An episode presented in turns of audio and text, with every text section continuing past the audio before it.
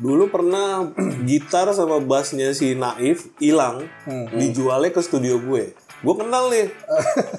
gue ngomong sama si Albert waktu itu, Bet, gue dapet gitar nih, Vivon, Riviera, sama bass Rickenbacker. Not, setahu gue, gitar sama tubas itu satu paketan punyanya Naif. Naif itu baru kehilangan bass sama gitar. Ya terus gue bilang gini, tenang, tenang, tenang, gue bilang. Gue masih punya foto orangnya, masih punya KTP orangnya, masih punya kwitansi pembeliannya. Suruh deh tuh apa sih basis sama gitarisnya Naif datang ke tempat gue.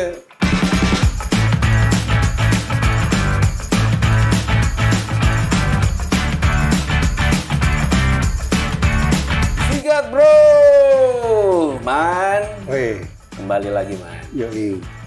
Nih, Hari ini kita kedatangan bintang tamu. Siapa lagi yang bakal kita sikat man hari ini? Man? kita yang datengin sih, bukan kita Iya benar datengin. benar. Kita yang datengin, kita yang Kita datengin. datengin. Jadi Oh, kita iya. selalu datengin pengusaha. Oh iya benar benar. Saya teman kita yang satu ini sukses berat gitu man. Sukses berat. Dulunya Badung berat sih. ya. Wah dulu panutan gua kalau udah urusan Badung man, kalau udah urusan Badung. Dia lagi-lagi teman kita kecil ya man ya. Yoi. Dari SD apa SMP man? Dari SMP ya. SMP ya, SD-nya kita nggak bareng ya. Karena dia nggak pernah SD, langsung SMP. Apa kabar semuanya? Asik. Suara-suara bajingan ya. Suara-suara kalau dulu dihukum lari rambut larinya rambut Gue udah berubah men.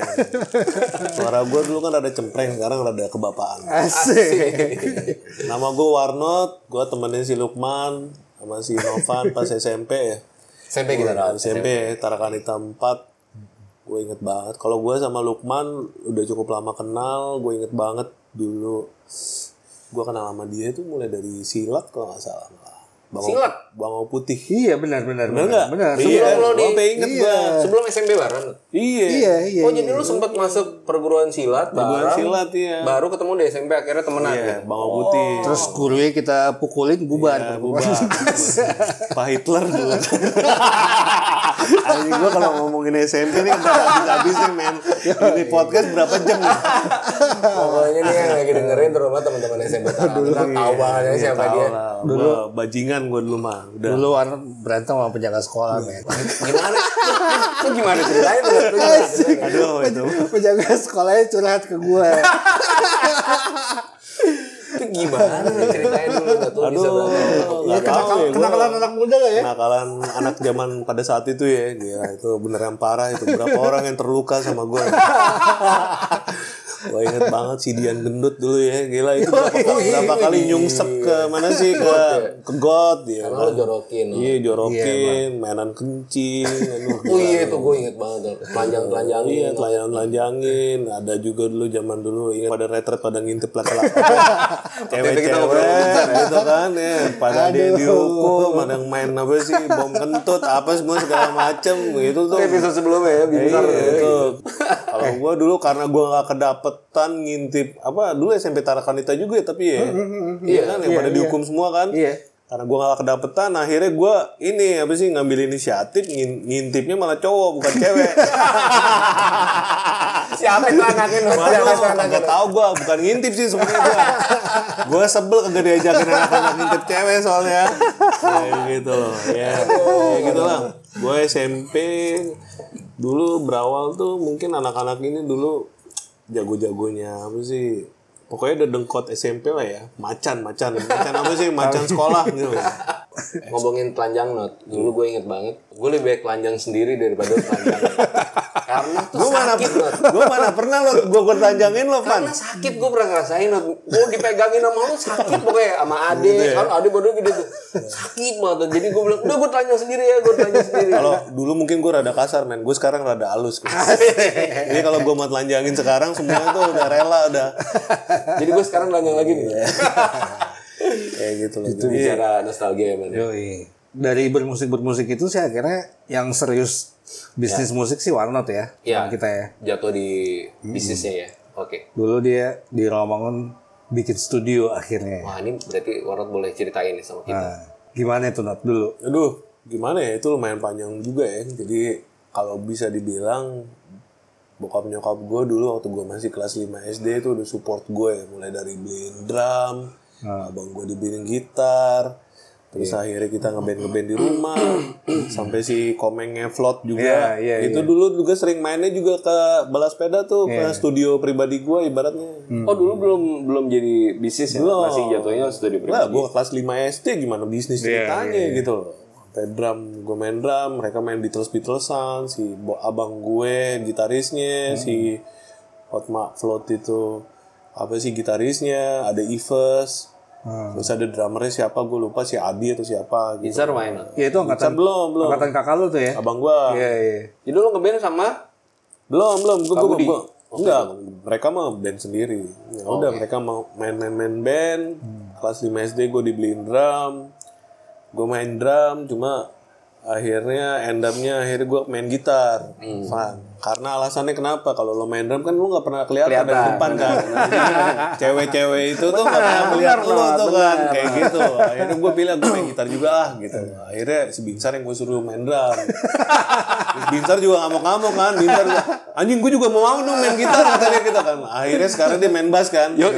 Pasti lo tahu alasannya kenapa. Karena pengen dilihat orang.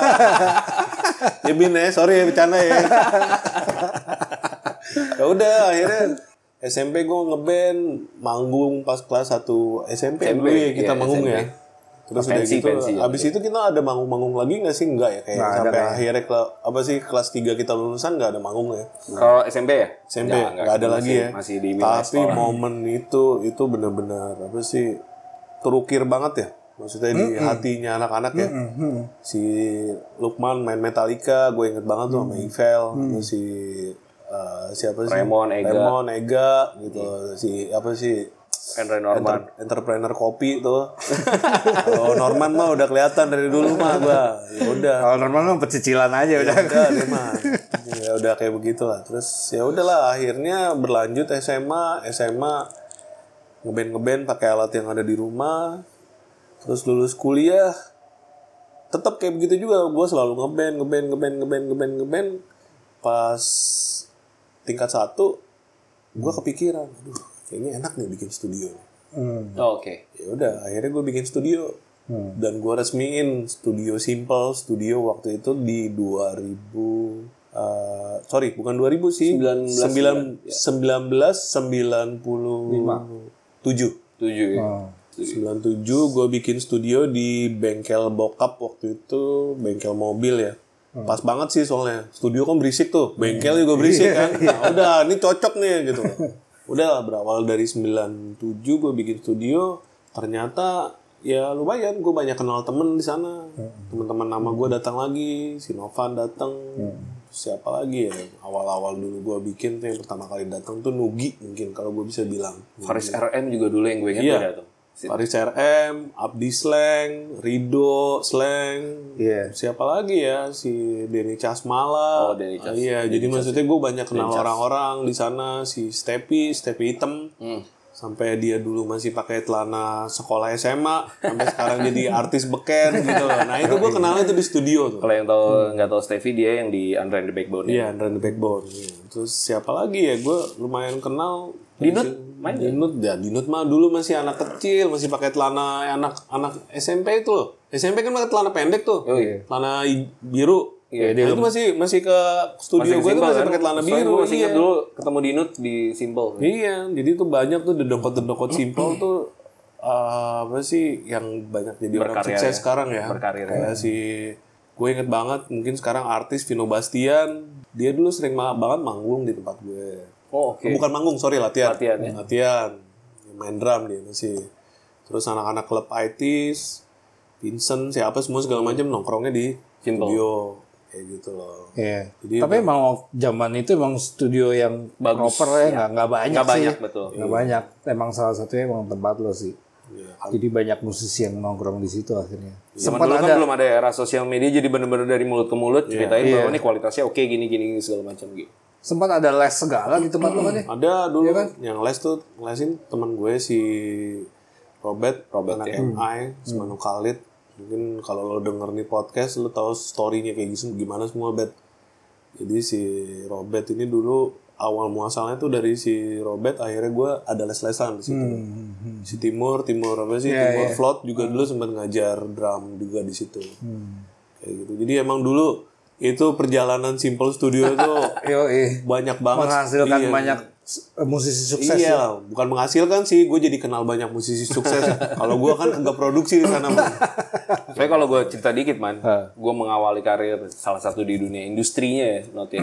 di musik juga, gue bikin uh, demonya tuh di Simple, dan itu karya yang pernah gue rekam di Simple itu sempat jadi posisi nomor satu di uh, radio hard rock 10 kita di eranya waktu itu dan akhirnya karya-karya itu yang gue buat di tempat lo berhasil membawa gue untuk tekan rekaman dengan pros- perusahaan rekaman. Dulu namanya Pro Sound sekarang Trinity.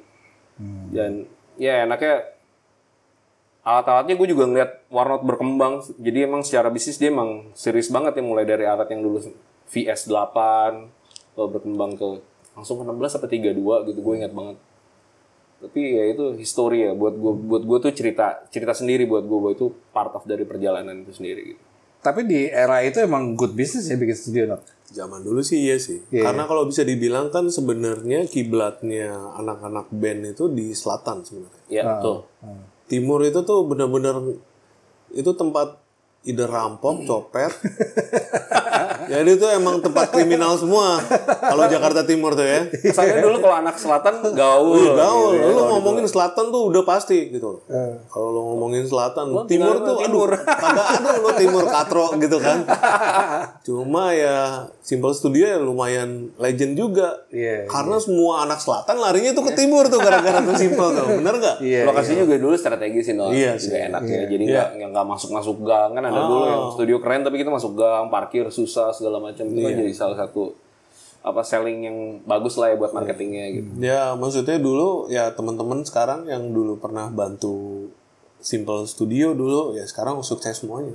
iya iya. Gue bisa ngelihat ya kayak dulu-dulu yang kerja di Simple Studio dulu itu sekarang udah jadi gitaris band terkenal gue nggak tahu mungkin kalian kenal si Seng Cheng gue nggak perlu sebutin namanya lah ya si terus si siapa sih ada yang jadi insinyernya siapa insinyernya siapa tadi man seringai ya Yo, eh, Albert. Iya, Ya. Albert dia sedap Dia dulu dia teman skateboard gue. Iya, bukan kalau kalau kalau si Albert mah dia nggak nggak bukan bukannya anak simbol, cuma mungkin dia banyak nongkrong dulu. Gitu. Iya. Terus si Agus, Agus, Agus iya. botak tuh, Agus botak. gitu loh insinyernya si siapa Cherry sih Bell. Cherry Bell. Jadi maksudnya ya lumayan lumayan oke lah gitu loh. Jadi gua terus terang merasa sedih juga sih waktu itu gua tutup di 2009 karena gua harus tinggalin ke Australia ya. Iya, iya, iya. Gitu sih. Kalau itu tutup karena emang lu cabut ya. Iya, karena terus terang Simple Studio itu ya Warnot. Iya. nggak ada gua itu berantakan aja udah pasti karena manajemennya Iya. semua segala macam lo yang manajemen terus kayak developing bisnis developing Iya. itu developmentnya Yang tuh di mikirin gua emang gitu. lu ya.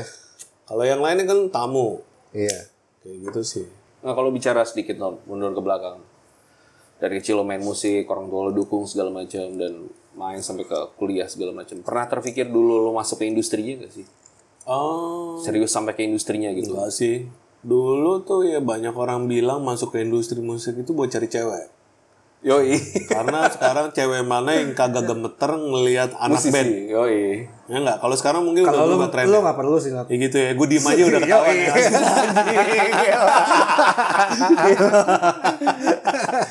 gitu. Tapi gue gak kepikiran sih sampai masuk ke mu- uh, industri musik. Tapi gue terus terang ya gue sempat vakum di musik itu selama gue 12 tahun gue di Australia. 12 tahun lo tuh. 12 tahun gue tinggal di sana gitu. Gue punya kehidupan lah. Jadi story kehidupan gue itu kayak upside down 180 derajat. Biasa jadi bos gue jadi anak buah nih di Australia. Nggak kepegang. Musik tuh benar-benar nggak kepegang. Tapi gue tetap senang. Karena yang bisa bikin gue ke Australia itu sampai gue seperti sekarang itu musik, Oke. itu musik. Kenapa? Gue bisa bayar uang sekolah dari jualan alat musik. Jadi lo mandiri banget ya? Oh iya. Gue dari tingkat pertama itu udah bayar uang kuliah gue sendiri man. Yang boleh cerita Nat, waktu di lo akhirnya memutuskan untuk hijrah ke Australia itu memang untuk kuliah lalu bekerja meniti karir sih. di sana atau bagaimana? Jadi sebenarnya Indonesia itu udah fakta dalam arti bukan fakta ya ibaratnya udah jenuh. Hmm. Cari duit segitu-segitu aja, segitu-segitu aja. Jalan satu-satunya lo harus hijrah ke benua lain. gue bikin duit lah di sana. Waktu itu gue mainnya itu di eBay. Oke. Apa tuh not yang lo jual di eBay? Dulu itu tahun 2007 itu gue mulai bisnis eBay gue itu jualan gitar. Oke, emang dari dulu emang koleksi gitar lo Iya. banyak ya? Selalu gitar sih. Soalnya banyak orang nyari gue itu jual gitarnya. Iya, betul. Apalagi kayak kayak gini nih, covid-covid nih. Itu pasti para musisi cari ibaratnya pawn. Pawn shop. Buat, Iya, iya, buat beli beras. Iya. Iya, iya. Nah, kayak gitu tuh pasti larinya gue zaman dulu. Wah itu juga storynya tuh banyak tuh, banyak cerita beberapa barang colongan itu yang seng ke gue. Barang colongan Not? Iya. Terus gimana? Padahal lo kenal sama yang punya. Nah, gue kenal sama yang punya. Akhirnya kagak gue beli. Akhirnya gue laporin. Eh. Contohnya nih, dulu pernah gitar sama bassnya si Naif hilang, dijualnya ke studio gue. Oh gitu. Terus terus terus. Menarik nih, menarik nih. Gue kenal nih. gue ngomong sama si Albert waktu itu. Bet, gue dapet gitar nih, Vivon, Riviera. Sama bass, Rickenbacker. Wah gila, berapa lu beli? Ya nggak seberapa sih, orangnya datang ke studio. Not, setahu gue, gitar sama tuh bass itu satu paketan punyanya Naif. Naif itu baru kehilangan bass sama gitar. Oh gitu. Tapi udah lo bayarin ya? Bener lo. Ya terus gue bilang gini, tenang, tenang, tenang. Gue bilang, gue masih punya foto orangnya, masih punya KTP orangnya, masih punya kwitansi pembeliannya. Eh.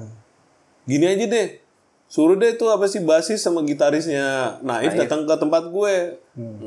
Balikin aja duit gue, gue kasih tuh gitar sama bassnya, gue kasih tahu orangnya yang mana. Iya. Akhirnya tahu nggak ketangkep. Oh gitu. Oke oke. Ya udah, akhirnya gue nggak tahu ceritanya kayak gimana waktu itu si Teguh sih yang deket banget sama anak Naif kan, karena dia ngurusin website ya kalau nggak salah.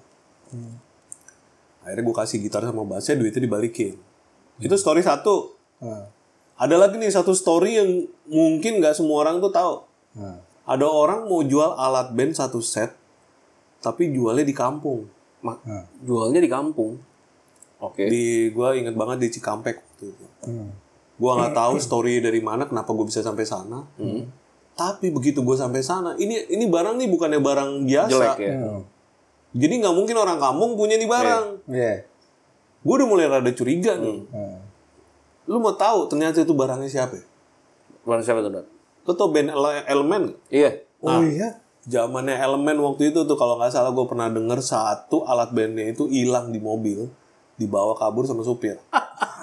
Dan gue bisa tahu itu barangnya Elemen karena gue ngeliat ini barang bagus banget men. Dari drumpel apa semua segala macem ya. Gue ngeliat itu kargo apa boxnya. Iya, ada nama band. Ada tulisan Elemen ditutup pakai pilok. Oh. Oh. Kebaca malu. Baca. Terus gue bilang, aduh ini masalahnya duit apa temen. Iya. Yoi. Iya. Terus gue mikir, kalau duit, sebelum gue baca tuh elemen, itu barang udah laku semua. Hmm. Karena gue udah tawarin ke teman-teman gue, mereka udah udah ngetek yang ini, yang ini, yang ini, yang ini. Gue waktu itu inget banget, untung gue itu udah 50 juta aja tahun 2003. Buset. Itu duit gede nggak tahun segitu. Nah iya, cuma sekarang masalahnya lu mau jadi mau jadi Iya. kriminal, nada, Iya benar. ya udah. Terus gue bilang, gue nggak jadi ambil deh. Gue bilang, Hmm. soalnya gue ada feeling gak enak. Ya udah akhirnya gue pulang, gue kontak waktu itu si Albert. Ya karena waktu itu yang banyak kenal sama artis kan si Albert kan. Iya. Iya. Gue bilang barang hilang ketemu lokasi Cikampek lo cari di situ barangnya gue bilang. Udah. Kayak gitu aja. Band elemen zaman dulu gede banget kan. Gede Iya. Iya. Iya. Iya. Ya, kayak gitu. Itu jadi story-story barang colongan, barang ini. Wah, itu mah udah makanan gua hari-harian itu. Dan gua nggak pernah ngambil kalau itu barang colongan. Hmm. Oke. Kayak gitu. Tapi dari dulu konsisten di Ya, bisnis ini ya Not ya? Nah karena lu rajin hunting juga sih. ya ya. rajin hunting dan gua tuh orangnya suka browsing, research. Oke. Dari dulu tuh gue paling seneng research. Jadi gue paling seneng kalau ngeliat barang. Kayak lu punya kepuasan tersendiri kalau lu bisa jual apa ya ibaratnya batu koral jadi emas. Iya. Iya. Iya. Iya. Itu bandelnya gue. Hmm. Tapi itu seru Not. Ya seru, tapi buat beberapa orang ya apa sih? Ya dulu temen-temen gue banyak ngomong gini, Not, lu money oriented banget. Bukan men, itu hobi gue cari duit. Bagaimana lu bisa ibaratnya sorry sorry sorry to say ya, how to make shit becoming gold. Iya. Yep. Berarti lo mulai jualan di eBay itu tahun 2008 Itu lo di Indonesia apa di Australia? Australia Oh di Australia. karena gue kenal mantan gue di Australia akhirnya gue buka account gue di Australia Hmm. terus gue bangun lah itu bisnis Nah barang-barang yang lo jual itu ada di Indonesia. Indonesia Indonesia. Oh. Oke. jadi gue kirim ke sana gue inget banget di tahun 2007 penghasilan gue setahun 1,2 m Wajib. Set, 2007 tuh Not. makanya gue bisa bayar uang kuliah gue pas gue di Australia Hmm. kayak gitu Dari jualan alat musik itu ya. jadi jualan alat musik Iya. gitar vintage nah itu dia teman-teman gue waktu itu adalah para kolektor Hmm. mungkin Eros, Ceylon Iya, Seven iya, itu kan beberapa barangnya gue yang beli gue kirim ke sana Hmm. kayak gitu loh terus Pongki, Jikustik siapa lagi ya yang teman-teman yang gue kenal ya pokoknya banyak barang-barang nyangsang ke gue pokoknya sampai ada satu cerita lucu waktu itu gue ngambil gitarnya si Eros di tempatnya Denny Casmal Hmm. Hmm.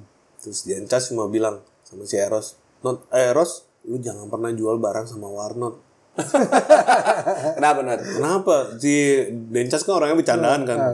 Abis punah katanya dia kalau lu ke kasihnya ke dia karena begitu lo kasih ke dia barang itu udah gak kelihatan lagi di Indonesia. Iya, dilempar keluar ya. Iya. Oh oke oke. Berarti kalau someday dia mau beli lagi Udah gak ada. ya. Jadi yang bikin punah yang ada di sini itu ada gua ada beberapa kelompok ya di sini yang suka kayak begitu juga. Cuma nggak banyak orangnya. Paling juga kalau gua bisa itu pakai jari sekitar lima orang. Eh, kita nggak ngelakuin kriminal. Kita cuma kayak apa sih mengapresiasi satu barang dengan value-nya. Oke. Dan yang beri orang luar tuh. Oh, udah, udah pasti orang luar. Ya, nggak rata-rata itu gue, klien gue itu ya orang Amerika, orang Jerman, orang Australia. Pernah ada musisi luar yang beli barang? Oh banyak, banyak. Salah satu yang beli barang sama gue mungkin musisi Australia, si Guys Bastian. Dia beli mikrofon sama gue. Oke, itu Australian Idol ya. Iya, Australian Idol. Terus gitaris Australia, Pete Murray. Hmm. Oke. Itu beli Stratocaster gue tahun 67. Wih. original dan mereka nggak pernah ketemu gue tapi udah kirim duitnya duluan Hmm. Trust ya. trust dong kita ngomongin trust lu build trust itu Iya, rep- reputasi sih itu. iya reputasi Tapi lu semua dapetin barang itu di Indonesia. Indonesia men Gila ya, berarti Indonesia tuh barang-barangnya aja oh aja. iya ajib men 250 juta orang lu pikir aja berapa banyak tuh barang masih nyangsang di sini gua rasa sampai gua mati pun nggak ada nggak habis itu barang Dan sampai hari ini Not ya. Bisnis itu masih oke. Ya sebenarnya gue udah males ngerjain kayak begituan. Makanya gue 12 tahun di sana, gue balik ke sini, gue bikin usaha. Gue pengen bikin usaha lagi, tapi bukan studio lagi. Karena menurut gue studio udah bukan zamannya lagi sekarang. Akhirnya gue buka bisnis, namanya tuh WR Proper. Yang sekarang lo Yang jalan. sekarang, jadi main core bisnisnya itu adalah properti sebenarnya. Karena Oh, gue ngelihat, iya, ya. musik dan properti itu sebenarnya ada hubungannya karena kita ngomongin apa ya investasi. Iya. Kayak gitar aja deh. Gitar vintage itu, kamu udah nggak diproduksi nih. Iya. Setiap tahun harganya naik nggak? Oh iya, Naik, naik. pasti. Hmm. Apa bedanya sama tanah? Iya. Tanah itu kan udah nggak diproduksi. Jumlahnya makin sedikit malah. Makanya Jadi harganya makin naik. jadi model bisnisnya sama ya Sebenarnya sama, Iya. kayak gitu loh. Cuma gue mau skalanya yang lebih gede. Kalau alat musik kan lo jualan apa? Let's say gitar. Value-nya kan kenaikannya paling juga cuma 100%. Oh kalau properti, wow. Properti beda lagi, faktor pengalinya itu lebih banyak. Kayak gitu loh. per tahun bisa 20%. Sekarang berapa Not? Zaman tahun gue pernah coba ya bisnis itu. Jadi gue punya duit lebih nih. Rumah pertama yang gue beli pada saat gue masih rumah pertama ya itu umur gue di 26. Gue udah punya rumah sendiri di Bintaro, gue inget banget. Kita ngomongin core bisnis ya. Gue beli waktu itu rumah di Bintaro tuh cuma 180 juta. Buset, sekarang harga berapa Nat? Dalam waktu 2 tahun harganya naik dua kali lipat. Tuh. Di tahun ketiga gue jual harganya 450 juta. Udah. Itu bukan duit cash. Gue ngajuinnya pakai apa sih eh, kredit bank. Iya, iya. Gue bayar banknya, gue dapet duit lebih kan. Iya. Dari situ gue beli tanah di Cibubur. Rumah sih sebenarnya rumah kecil ada Di tanah. era umur lo masih 26 tahun itu. Itu umur gue 29. Pada saat gue gue jual rumah gue di Bintaro, Lo beli yang di Cibubur ya. gue beli Cibubur. Itu pun di era segitu Cibubur nggak kayak sekarang. Enggak. Masih. Gue belinya di Raffles waktu itu. Oh, oke. Jadi gue beli waktu itu tuh gue jual rumah Bintaro, gue beli Raffles. Terus gue beli tanah ukuran 225 sama rumahnya kecil banget deh. Sekitar 50 meter persegi. Gue waktu itu udah di Australia sih. Gue cuma kayak nanam duit aja. Iya, iya, iya. Gue beli dalam waktu 2 tahun harganya naik dua kali lipat. Jadi lo ngomongin bukan value naik 20% per tahun, tapi 50%. Wow. Gue beli di Raffles, gue jual 1,2 M. Gue beli cuma 500 juta. Tahun 2013. Terus berlanjut, berlanjut, berlanjut kayak begitu sampai sekarang akhirnya kalau gue hitung-hitung ya, maksudnya portfolio gue, gue udah punya 6 properti. Yang sekarang punya. Iya. Ada yang cash, ada yang KPR, kayak gitu. Nggak nyangka ya, man. Kalau dulu kita lihat SMP-nya begitu.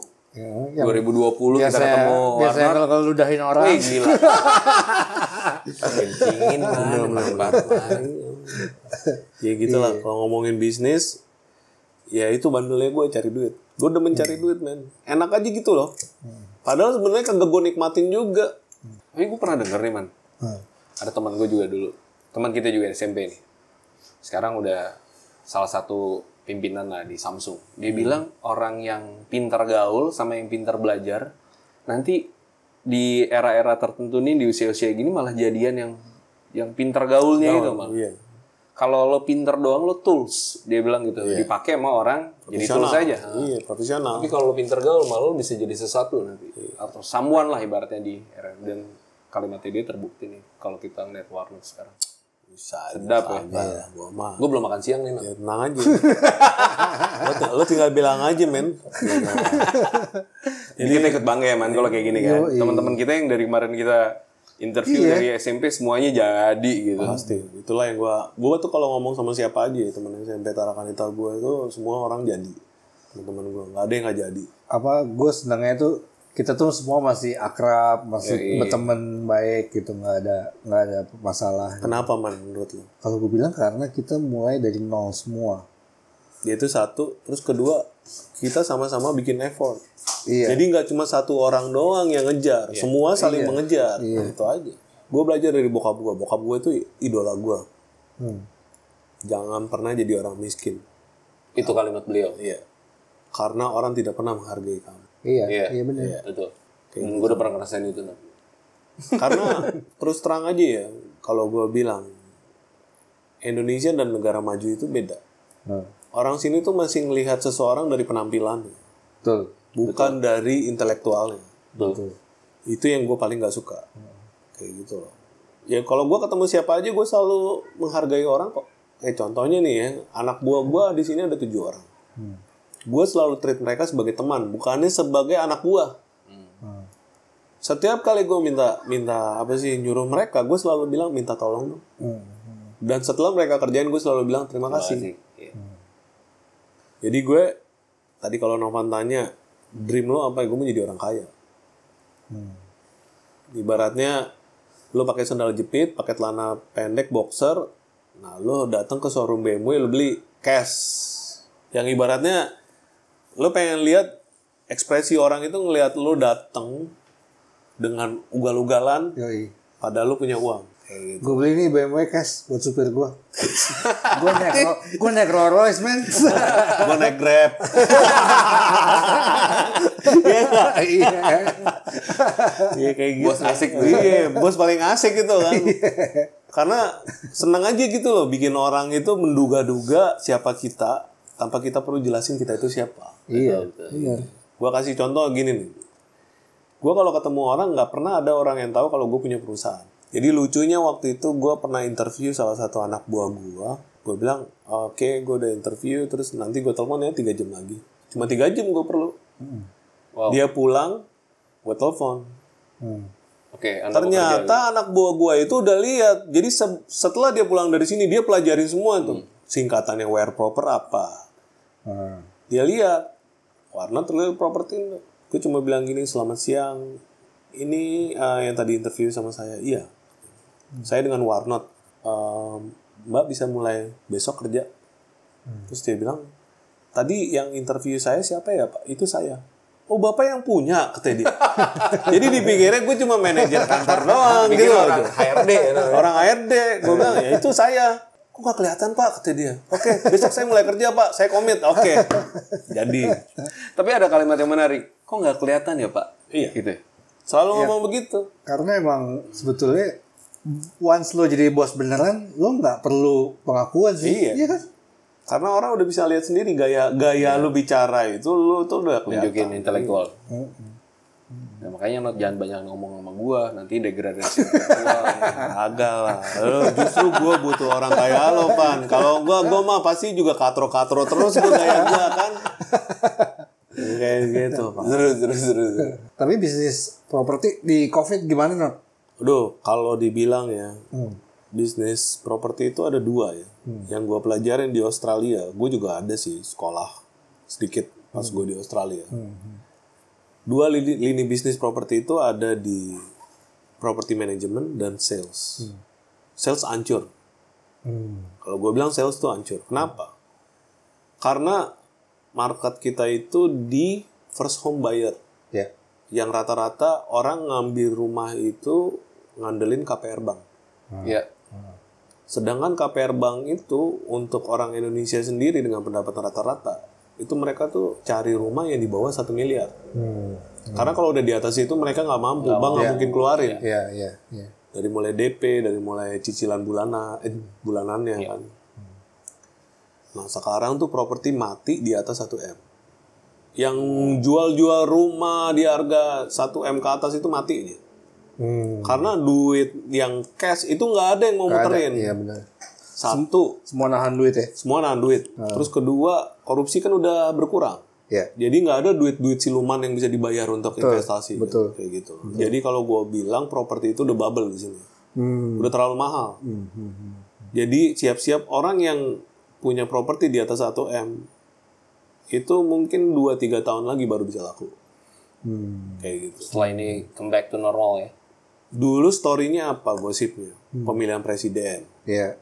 Jadi menurut gue kayaknya udah nggak ada jawaban lagi. Begitu pemilihan presiden kena COVID.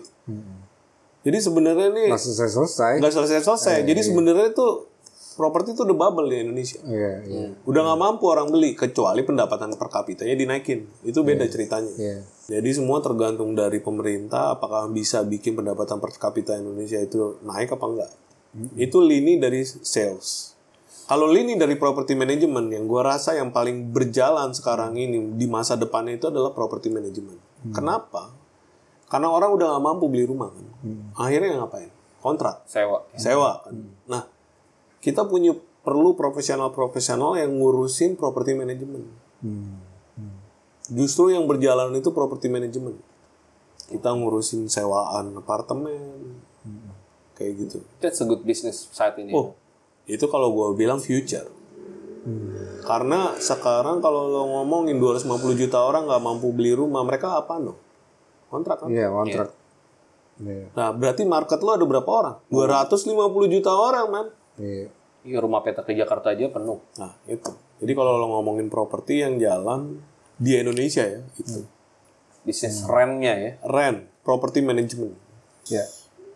Lo kasih wejangan buat anak-anak sekarang deh yang mau mulai bisnis. Kira-kira mereka harus gimana sih? Bisnis Apa pun. apa pun ya. Yang future-nya baik. Eh, jangan pernah ngikutin orang. Jadi jangan pas lagi musim lo jalanin tuh bisnis. Hmm. Lo jalanin bisnis pada saat orang lagi nggak ngejalanin tuh bisnis. Itu wejangan gue. Contoh, gue pernah dengar pas itu musim orang bikin barber. Semua orang bikin barber. Iya. Oke, kayak sekarang orang bikin coffee shop. Coffee shop. Ada filosofi kopi zaman dulu meledak kan. Orang bikin coffee shop semuanya. Jadi kalau di bisnis itu jangan pernah lo starting pada saat bisnis itu peak. Lo starting bisnis itu pada saat bisnis itu lagi hancur. Itu saran gue. Tidak terkesan menjadi follower. Ya Kalau misalnya lagi peak. bukan bukan kita nggak mikirin apa kata orang terkesan atau kayak gimana sih Van. Cuma pada saat lo di pa- titik paling terendah, ada kemungkinan lo jatuh lagi nggak? Iya. Nggak mungkin kan? Satu-satunya jalan ke atas ya. Satu-satunya jalan lo naik ke atas. Cuma kalau lo ngikut yang di peak, ada kemungkinan lo jatuh nggak? Iya, iya. Ada kemungkinan lo naik nggak? Kagak. Iya, iya. Karena lo udah di peak. Iya. Jadi kalau lo bisnis itu mulai sesuatu itu harus yang lagi hancur. Dia lagi di titik terendah.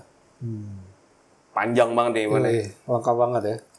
Kalau dibahas juga nggak bakal selesai karena banyak banget sebetulnya yang ini berapa tahun nggak ketemu, terus ketemu lagi pasti banyak banget yang bisa dibahas. Cuman dalam waktu yang singkat ini luar biasa akhirnya kita bisa ngobrol sama Warnot yang dulu dia ya buat kita dulu trademark Warnot kan kesannya anak nakal misalnya gitu ya. Cuma sekarang dia bisa jadi sukses wah buat kita bangga banget ya mas sebagai temennya juga kita ikut sama Iyalah, pasti. Sukses dengan kenakalannya mungkin. Oke mas sekali lagi thank you buat Warnot. Siap. Thank you Not ya. Sip. Nanti kapan-kapan kita ngebir-ngebir ya men ya. Yo, Gue terus terang gue suka bir sih. Kalau kalian tanya bir apaan ya gue tahu bir mana yang paling enak di Indonesia. Asik. Oke sampai ketemu lagi di Sigat Bro.